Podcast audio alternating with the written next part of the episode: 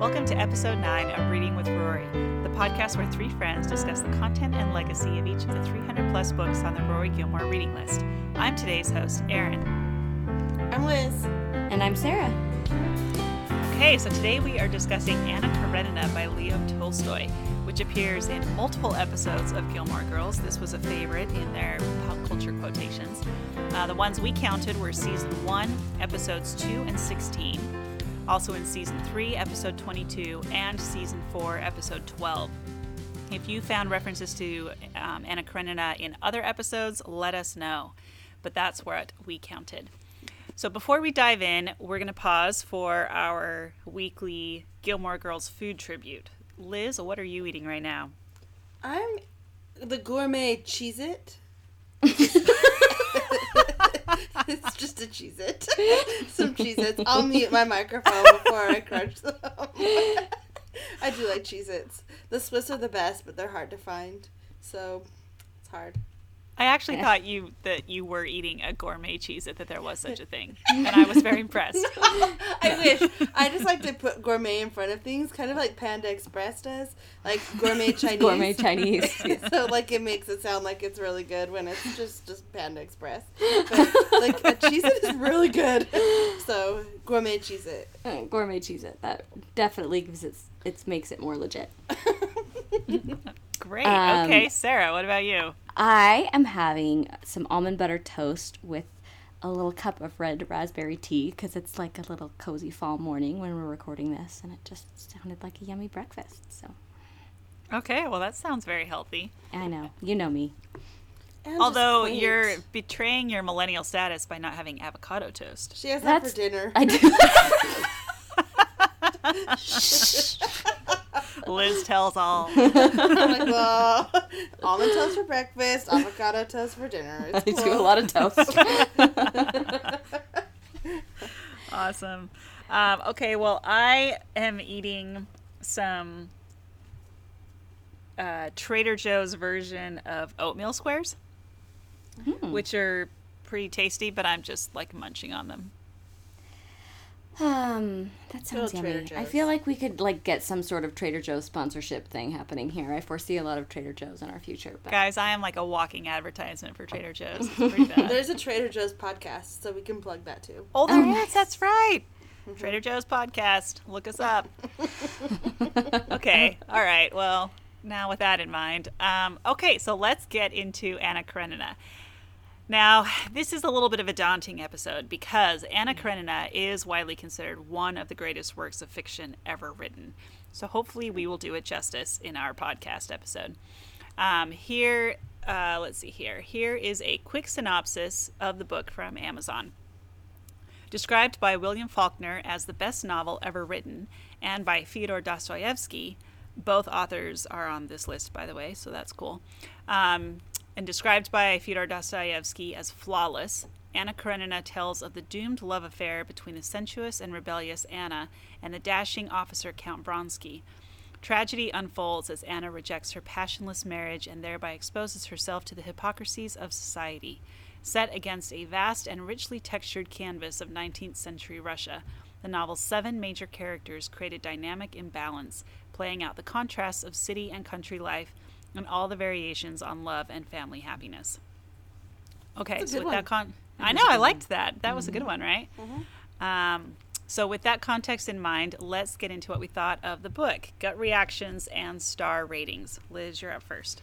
Okay, so my gut reaction is that uh, this book is great, right? This is a great book. I mean, flawless, that's a big word to use, but I wouldn't use it.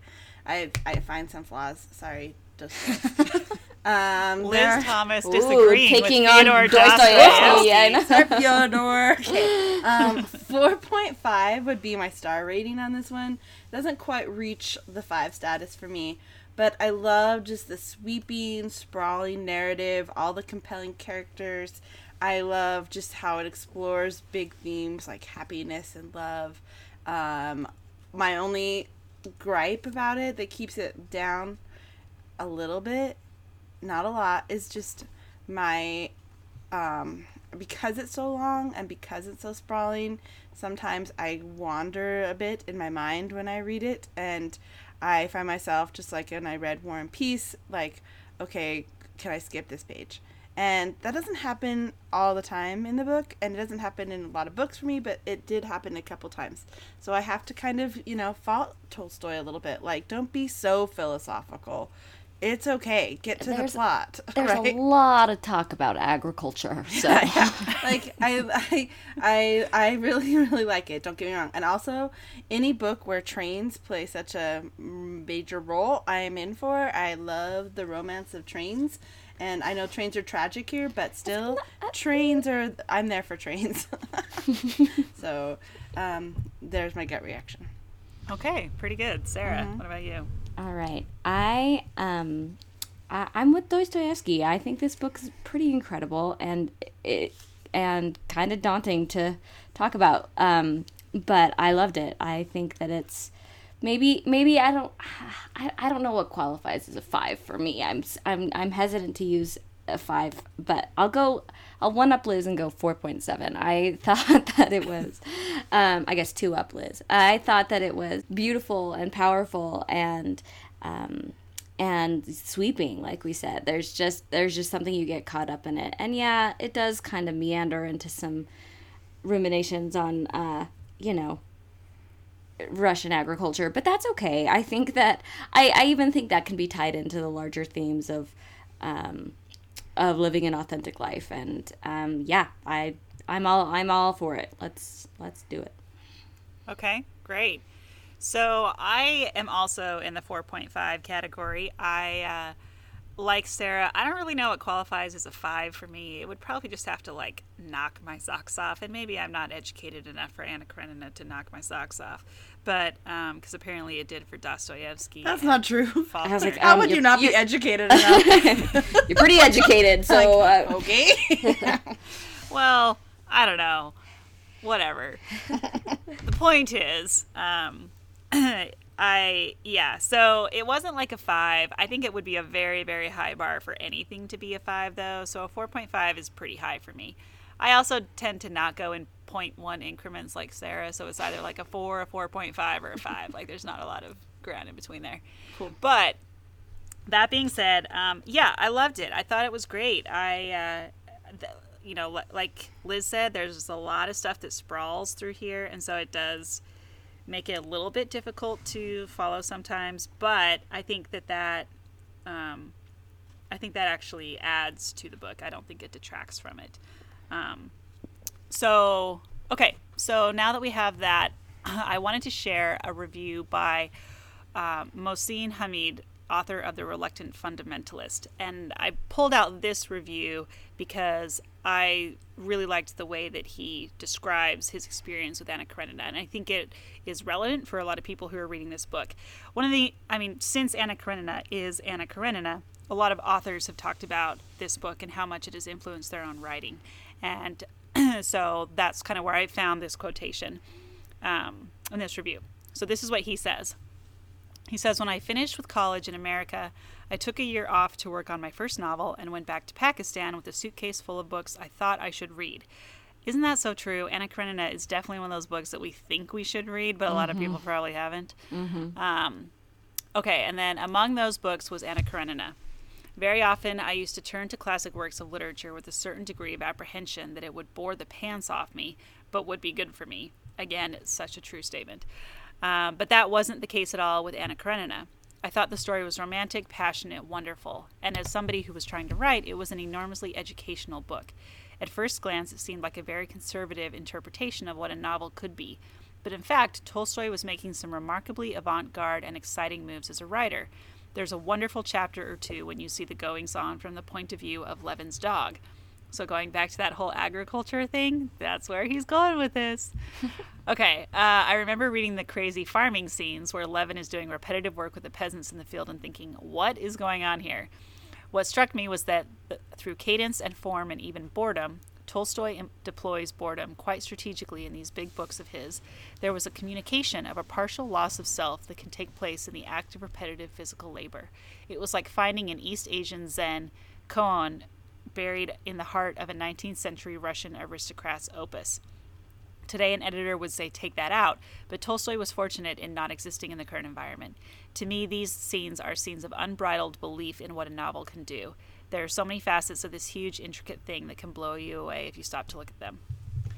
Like so, uh, yeah, I really liked that uh, review. I thought it was very realistic and very um, self aware, but also Honest.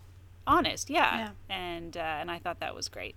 Um, I was looking through some of the reviews on Amazon and came across a one star review by uh, user Susan Knows that simply said, "Did not finish."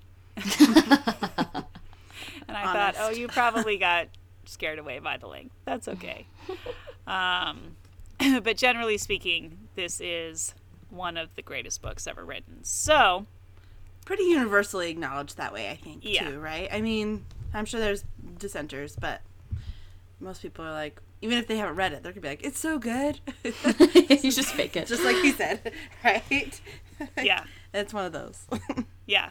Well, and to kind of highlight, not that this is the barometer really for anything, but in the world of Gilmore Girls, um, to highlight its status in literature, it is one of the books that's mentioned in Rory's valedictorian speech. And this is, you know, this is the speech that gets quoted all the time with Gilmore Girls and Rory's love of books. And it's where she talks about how she lives in a world of two books and one is a world of books. Or I'm sorry, she lives in two worlds and one is a world of books. And so the books that get mentioned in there are some of the most celebrated books in literature history, and Anna Karenina is mentioned in that list. So, you know, for a show like Gilmore Girls that highlights pop culture for one of their sort of central speeches on literature, Anna Karenina certainly takes place.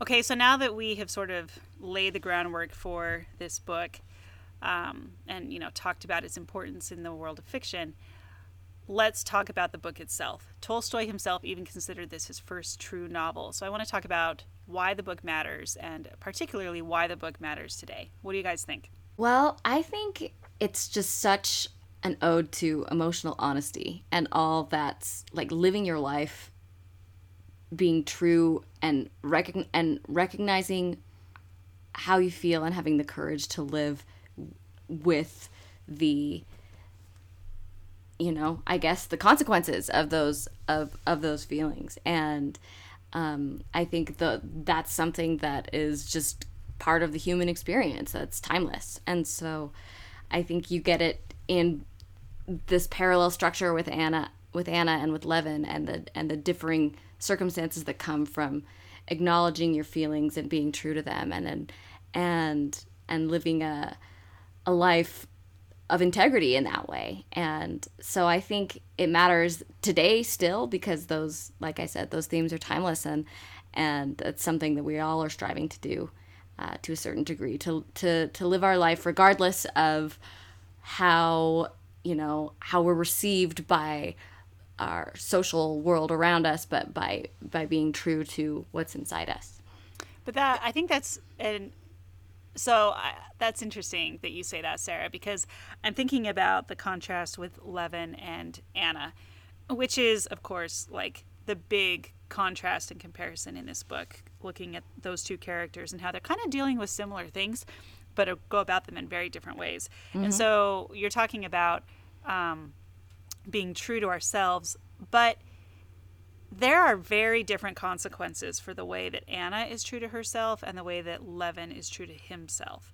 So, in terms of, I don't know. So, I guess I want to um, kind of push on that a little bit. What, uh, you know, talk about that a little, a little bit more when you're thinking about how this book encourages us to be true to ourselves. What Anna wants is to to be accepted in the large like to have to have the outer world and the inner world be the same.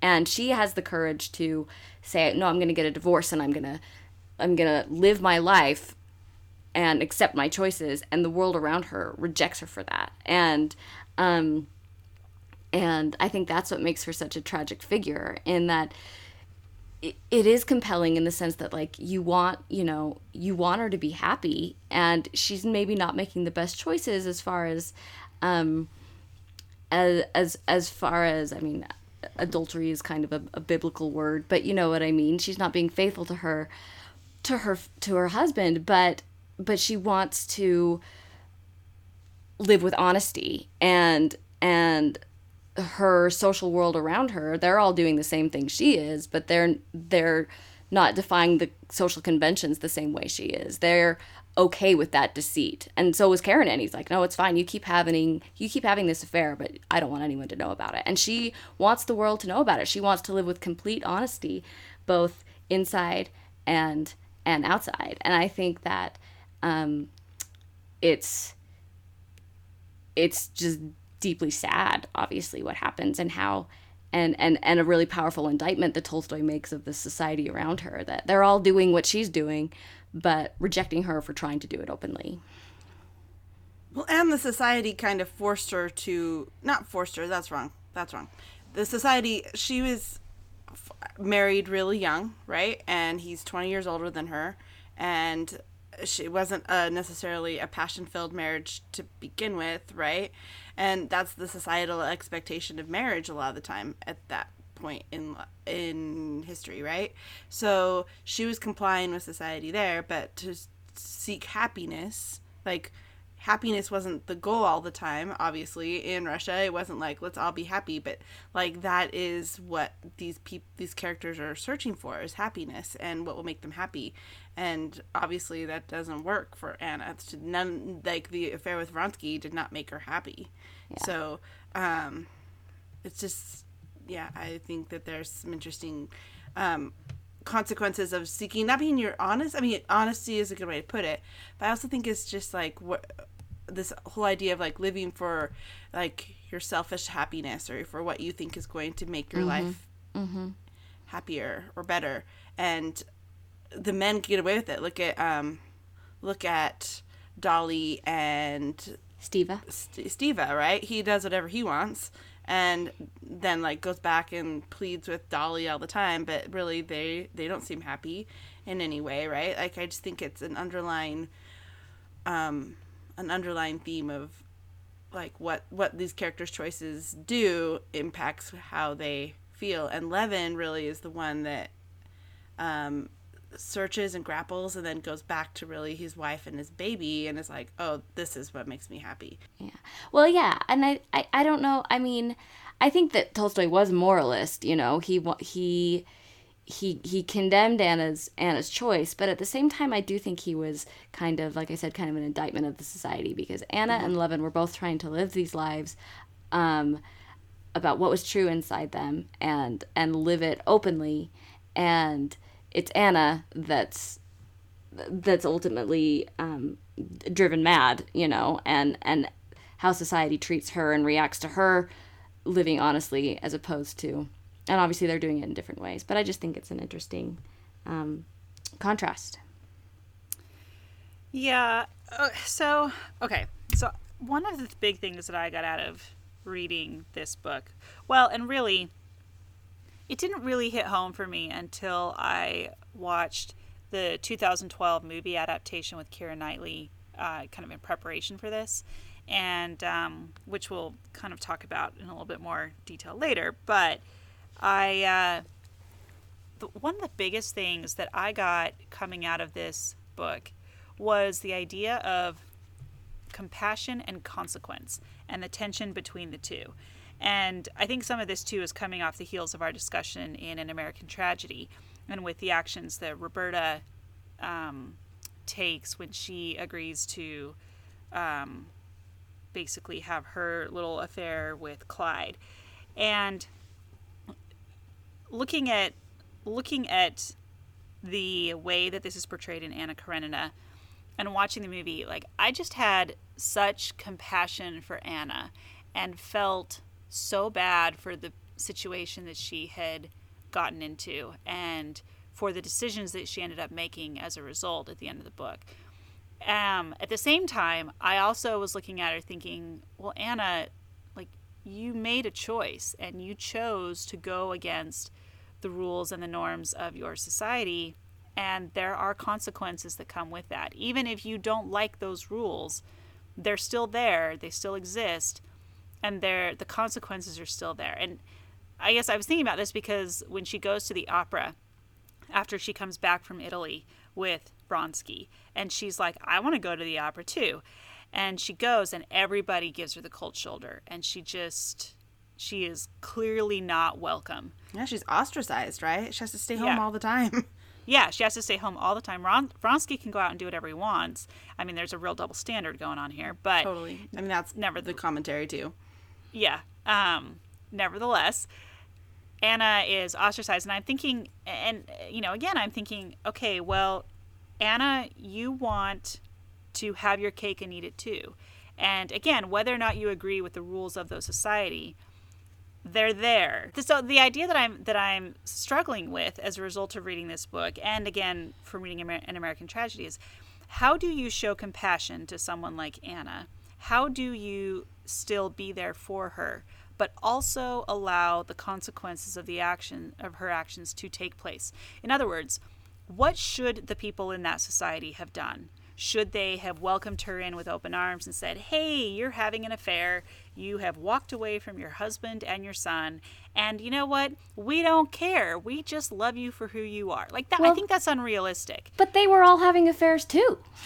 well, yeah, no, no, no. Uh, uh, again, like double standard aside, I don't think you can set the double standard aside. I think that's a pretty important part of how you find that compassion is like she's the only one that's trying to be upfront about this. And and yeah, it would be simpler if she, you know, hadn't made those choices, but I think that I, I, I think where you find that compassion is that she wants love in her life and she's living she's lived in this passionless marriage with this with this man that doesn't understand her needs or her her her inner life in any way. And so it's part again and i'm not and also all this is not excusing you know being unfaithful to to a spouse but i think that it's it makes her such a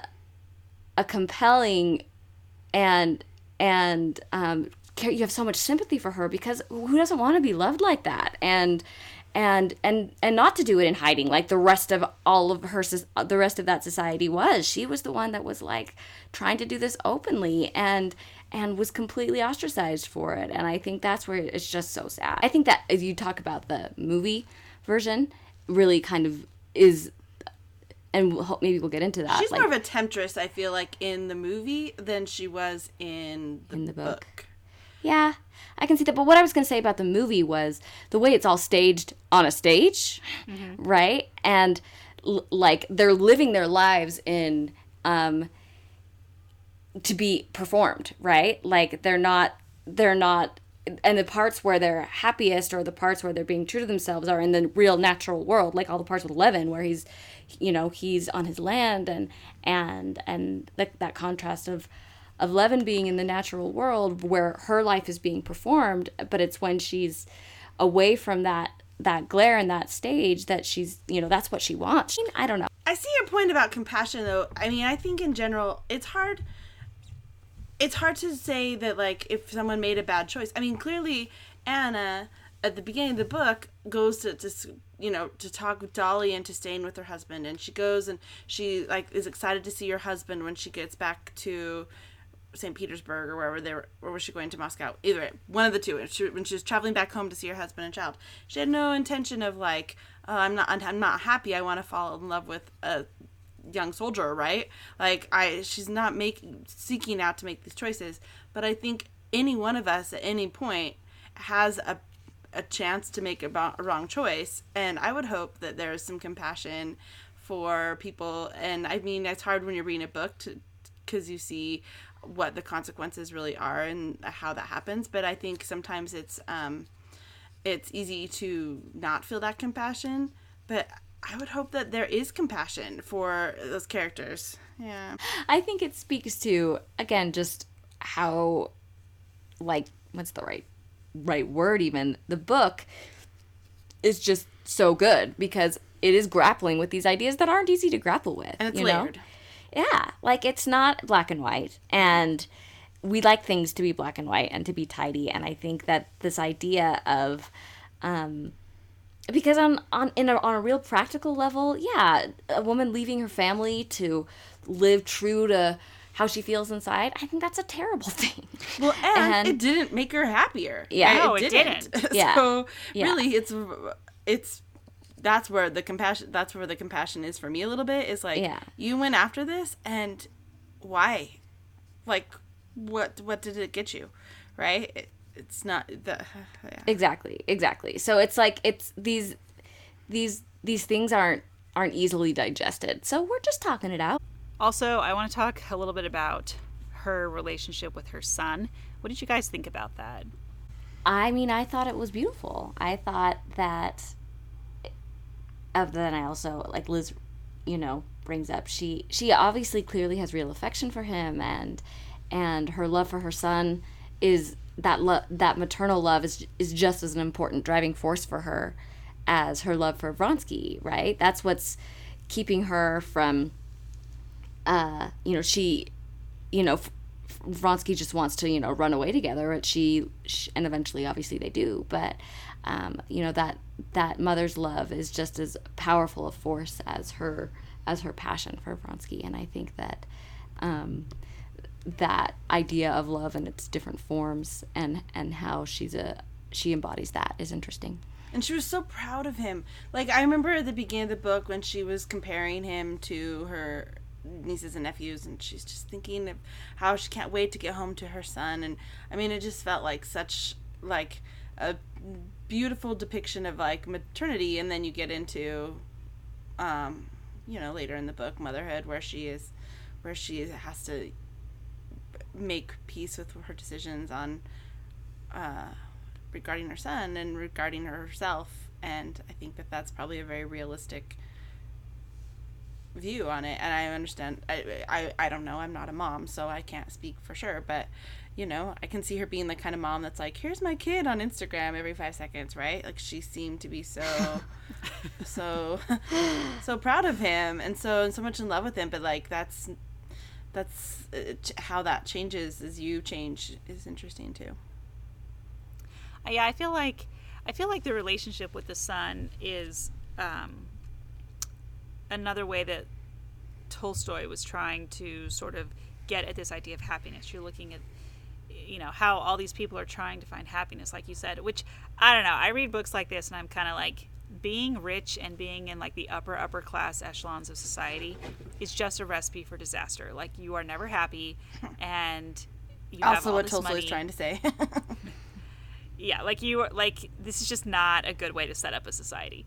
Um however that aside i think that the way because you know tolstoy was or levin was a mirror for tolstoy tolstoy wrote the book and wrote levin's character to basically mirror his own Yeah. self and so um, a lot of the struggles that Levin goes through are struggles that Tolstoy had also gone through, and his struggles with finding meaning in life and um, and religion, and you know where is God in the world, and and what is my role. And at the end of the book, when you see Levin and Anna basically struggling with the same question of finding meaning and what is their purpose in life, and they go, they end up going two completely different different directions to it, um, or with it. I think that you know Tolstoy showing how Levin goes back to his family, goes back good to into Kitty. the world Yeah, and goes back to Kitty, goes back to um, their child. You know, there's so much there that I think Tolstoy's trying to say about where we can find real happiness.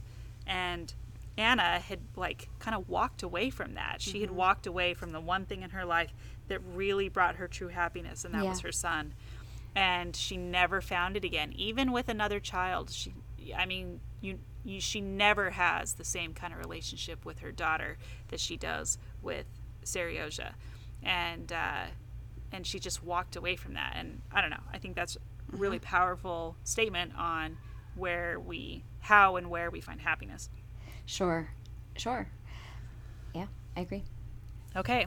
Well, um, so moving on then, let's talk a little bit about whether or not, uh, I mean, we've sort of talked about some of this, but just to make sure we're rounding out our conversation, uh, whether or not there was anything that surprised us about the book, stood out, or stayed with us. Um, Liz, what about you? Um, so I think the thing that kind of stayed with me is, I mean, I really loved, um, Levin, like at the end, like we were kind of talking about this, but how he, there's this quote that I marked that I just really found powerful, right? But where he's like, my life now is regardless of all that may happen to me every minute of it is not only meaning is only not meaningless as it was before but has the unquestionable meaning of the good which it is in my power to put into it. And i just remember thinking like as he journeyed through his whole experiences right going back and forth and trying to find where his meaning in life was and really struggling to find himself is just the, the idea that you put good into something and that's the power that you have to make meaning of your life is just kind of what you do to bring into it and not like what happens because so much of this book is about timing for me a little bit right like Hmm. the timing aspect like that he was so lucky to fall to, to be his his love with kitty was a matter of luck a little bit um because I feel like it was all about timing and about the good he brought into it. So it's almost interesting that like what made him happy wasn't just the good timing he had, but the good that he has to put effort into. So I mean, it was just kind of an interesting contrast for me in that. I mean, the Anna and Vronsky part of it is uh, isn't isn't really what stands out to me. I think I feel like that's the main plot, but the Levin and Kitty storyline is much more uh, of a standout for me on this reading this time because I read it recently and then I read it years ago, and this time it was definitely about Levin and Kitty as much as more than about Vronsky and Anna. So I, I agree. I think Levin and Kitty are what stood out for me as well. And I think in contrast, you know, in contrasting Anna and Vronsky and Levin and Kitty, and the and the key differences for me is selfishness, right? What Anna and Vronsky were doing was selfish, and um, not that they were bad people because we're all selfish and we all make selfish decisions. Um, but it seemed like Levin and Kitty found their happiness because they weren't indulging that that selfishness And they're and lucky. and they're lucky and, and it's good timing and Levin's a man so that's okay, go on. Well, but but uh, I mean, at the same time, though, I don't think it was just luck. I mean, I think timing did absolutely factor into it because when Levin first proposes to Kitty, she is clearly not ready to have a relationship with Levin, and she rejects it openly. But after going through some like pretty serious heartbreak and um, kind of dealing with some other stuff, she starts to see what Levin can bring to the table. But I think that looking at their relationship as they as they go. And you know going back to the to Levin's brother the fact that Kitty's like I don't care. Like let's help the man. He yeah, needs they some put. help. Let's, Yeah, yeah, yeah. They're Yeah. putting that you know, good they're serving each other. They're they're doing things for each other. And that's not luck. That's No, work. it's that's true. whether work. they and and again I it, yeah I think it comes back to that lack of selfishness. There's something about Levin and Kitty that feels just pure and um and and good. Where whereas you know it's the same feelings for Anna and Vronsky it's passion and it's love but it's it's ultimately grounded in selfishness and not in goodness and I think that that's what makes Levin and Kitty stand out to me. I love that scene when they're at the, you know, they're playing the word game. And uh, even as I was like um, reading that part and thinking about it, like, it, it thought, this is, just go with me on this. This is going to sound dumb. But, um, like, I'm excited um, like I was just thinking about some things that are just too too difficult to vocalize, right? Like you can only write it down. And some feelings that are you can't express by speaking it. And and I just thought that was scene was a really sweet illustration of that. And even in today, what I was gonna say what was gonna sound dumb was like for me, like text messaging, like it's so much easier to express myself in writing and than it is to I mean, I guess I picked podcasting as the wrong medium.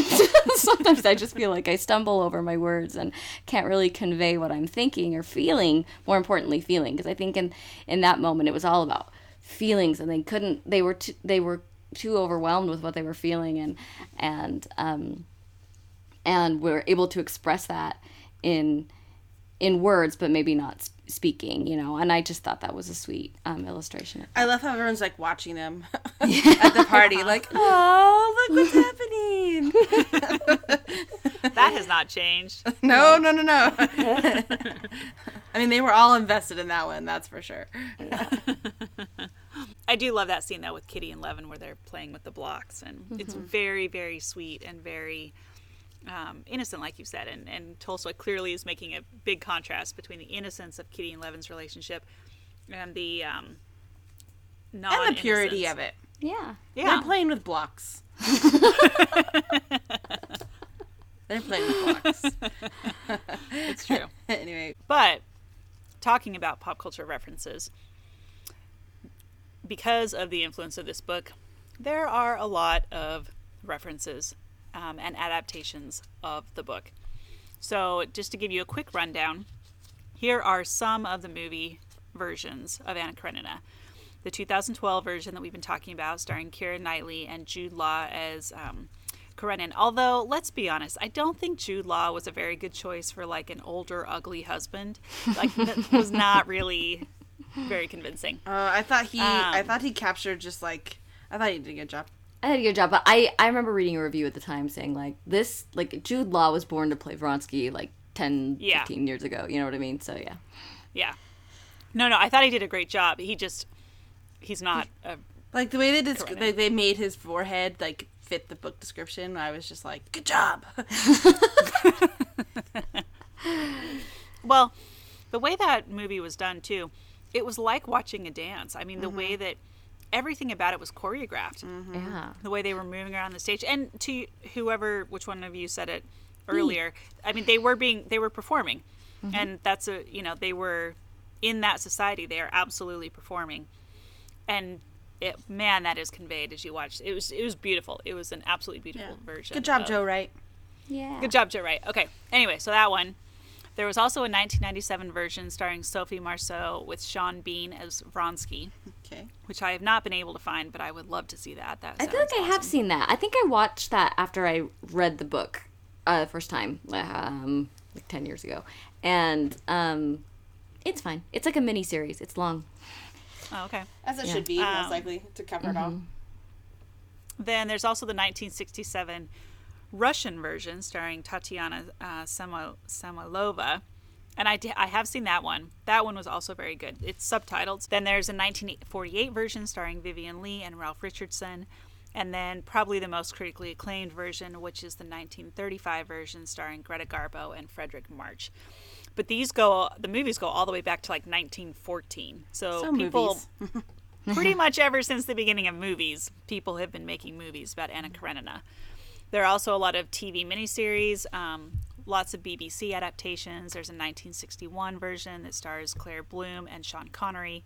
There's a 1970s Cuban television series, um, another 1977 BBC, 2000 PBS Masterpiece, 2009 Russian minise- miniseries, and a 2013 Filipino drama series.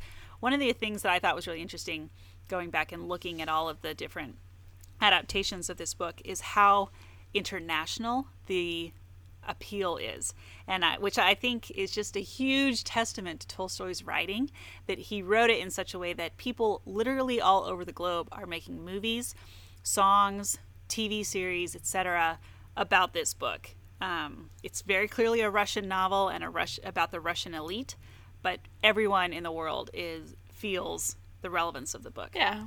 Finding love and happiness and Yeah, it's some pretty universal themes. Yeah.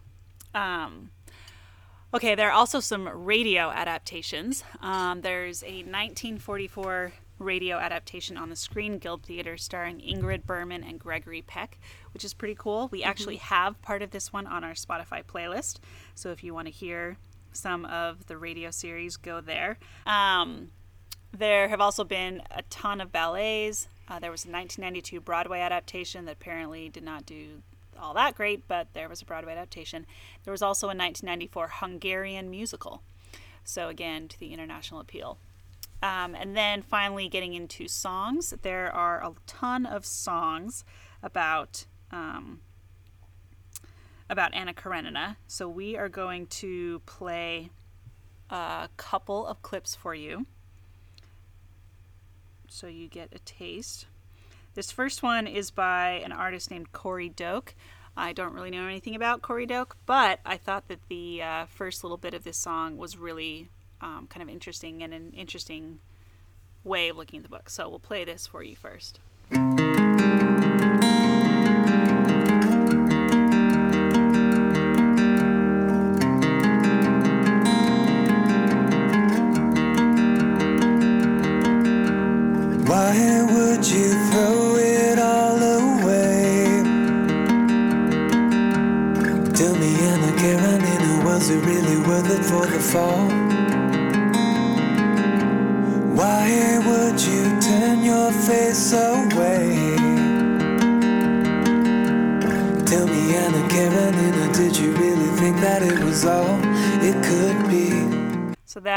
Song titled Anna Karenina by uh, Corey Doak.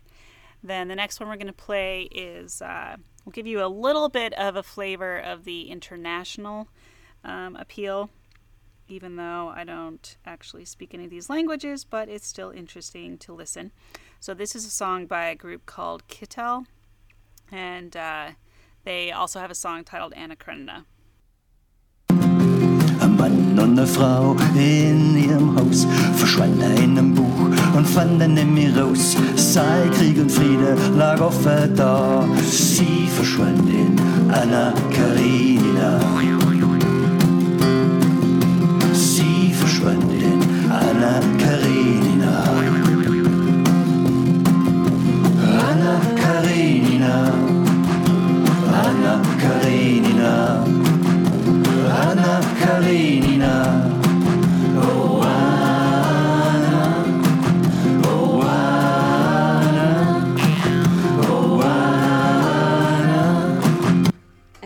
This is weird. Was that a spring? Isn't that it? Yeah, it's it's weird. I, I also don't really know what language that is. Um, I could not find anything on this group online. So if you know anything about the group or about the language, And why they Let use us a know. spring after they say Anna Boing, Karenina? boing, boing. it was kind of fun, right? Um, yeah. So there's that one, and then the last one we're going to show is a song by an American group. Well, I think they're American. I hope that's right. Um, called the Long Blondes, and this is called "Lust in the Movies," which seems like a pretty aptly titled song, referencing Anna Karenina. I know you think you're in the movies, you're in the movies and you don't wanna know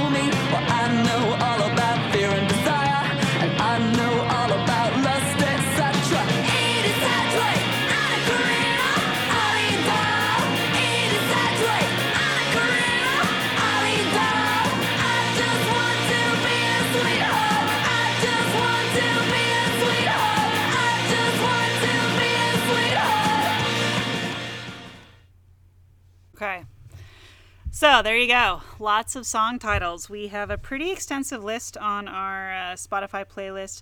There's a lot of instrumental adaptations of the song, lots of soundtrack versions, um, lots of concertos, different things like that.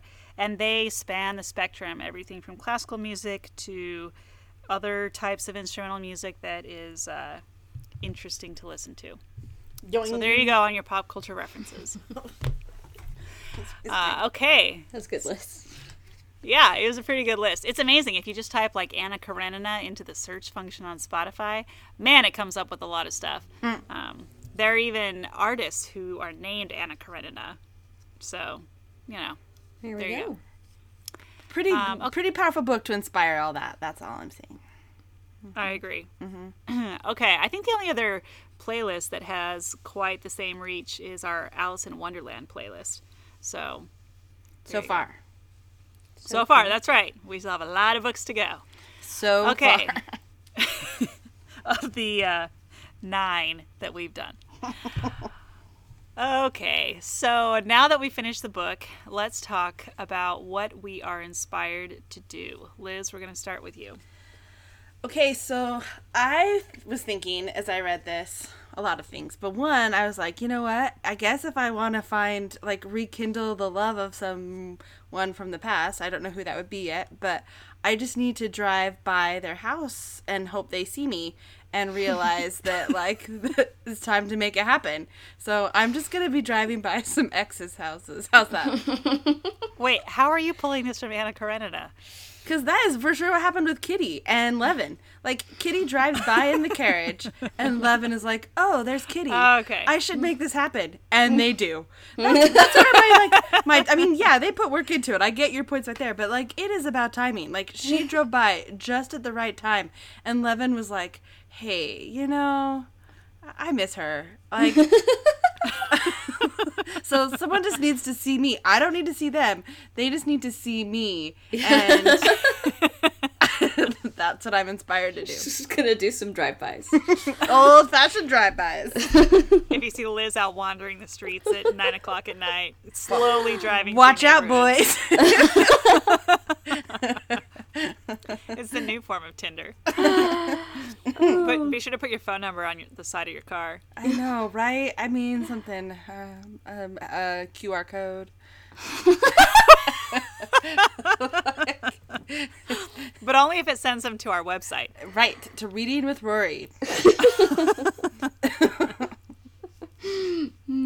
Oh, that's pretty great. Um, Sarah, I'm super excited to hear yours. oh, don't do this! I was just too overwhelmed by it all that I don't think like any one thing. Uh, we were talking about it before. I'm like, you guys, I woke up this morning. I was like, what am I gonna say? I don't know. so I mean, I think that I mean, just I guess I'm inspired to, you know, live with more emotional honesty or learn Russian and read this book in Russian. I don't know what to say. It's just all too much. It's beautiful and it's moving and it's inspiring in so many ways. what about vengeance? vengeance? Uh-huh. That's how it ends. It's like Vengeance. is mine. Oh The yeah, last line. that's true. I don't think of No? vengeance as being a big theme. I think of forgiveness. I know that's okay. Anyway, sorry, we didn't go into that, but Sarah, vengeance can be vengeance can be your inspiration. Get him. That's kind of dark, but okay, I'll go with that. I'll go with that. I mean, we, we can get into that. Liz, it sounds like you have some things you want to say. No, I no, I really don't. It's fine. We're good. you guys, I was ruminating all throughout the podcast. I'm like, I gotta think of something good, but apparently nothing really just, you know, stirred me that deeply that I Nothing need like to go stalking ex-boyfriend. stalking ex-boyfriends. I mean, um, yeah, yeah. There we go. Sorry, sorry to disappoint everyone. I'm pretty lame. I thought it was good. Live an honest life. that, How is that bad? I know it's true. I mean, I feel like I do a pretty okay job of that anyway. But I'll be like Sarah, Anna Karenina. mm-hmm. Do your the There you go. thing. All right, Aaron. Um, okay, so I'm going to sound a little bit like a broken record, but I think it really, reading it through and looking it through this time, really just inspired to, me to be a little bit more compassionate um, and to appreciate the challenges that people are going through when they are going through hard times, particularly if those hard times are of their own making. And uh, I think there's a lot of power in sort of the um, you know what's the saying the um, hate the sin love the sinner. Uh, and uh, I think I'm pulling that from Hamilton even though I'm pretty sure he pulled that from the Bible or somewhere yeah, else. he, he didn't come up with that he did not come up with that. But I heard it in my head when I was saying it. Uh, okay. Anyway so just that idea of like figuring like ruminating more on this idea of how do you hate the sin and love the sinner. I think that's just a very very interesting um, interesting idea. So I'm inspired to just do more thinking on that, ba- basically. All right. Yeah, I mean that's a good thing to think about. Always, right? Well, I think so, but thank you. No, I do. I that's what I think makes a good book is that the things that makes you think about are the real uh, powerful things and important things in life, right? Yeah. Yeah, for sure. Yeah, I think I think that's what maybe was hard for me. It was like this this it's everything this book is grappling with is so huge that like it felt hard for me to like crystallize it into something small that I could do that I felt empowered to do. Other than like I really do think it would be cool to read this book in Russian. So someday when I learn Russian, um, I'll get back to you guys on this. It's true. We did not get into the debate on translations or anything like that, but Uh, that's we'll save it for another podcast on translations. That would be compelling stuff, no doubt. There's lots Yeah, more uh, to say. Clearly, what translation did you read, Aaron? I read the uh, the famous uh, Pevear and Volokhonsky. Yeah, Version. same here. Liz? Yeah, that's what Liz read too. yeah, that one. Yeah. I mean, that one seems to be, I mean, that one is an award winning translation and seems to be kind of the most universally recognized as one of the better better ones, but um, still. Okay, well, on that note, um, what did you think of Anna Karenina? Please tell us. Come find us on social media Twitter, Instagram, and Facebook at Reading with Rory. Um, or come find us on our website at readingwithrory.com. Uh, do you want to hear more of the types of songs you listen to today? We all know you want more Kittel. Um, come follow us on Spotify. Really good stuff there. Hey, Springs and Songs. It's novel, right? um, yeah, so come follow us on Spotify for more songs that reference this and all of our other books. Uh, do you have a pop culture reference for Anna Karenina that we missed? Please tell us or send us an email and we may say it on our next show. Next time on Reading with Rory, we are going to be reading Anne Frank, The Diary of a Young Girl by Anne Frank. Join us as we read along, and we'll catch you next time.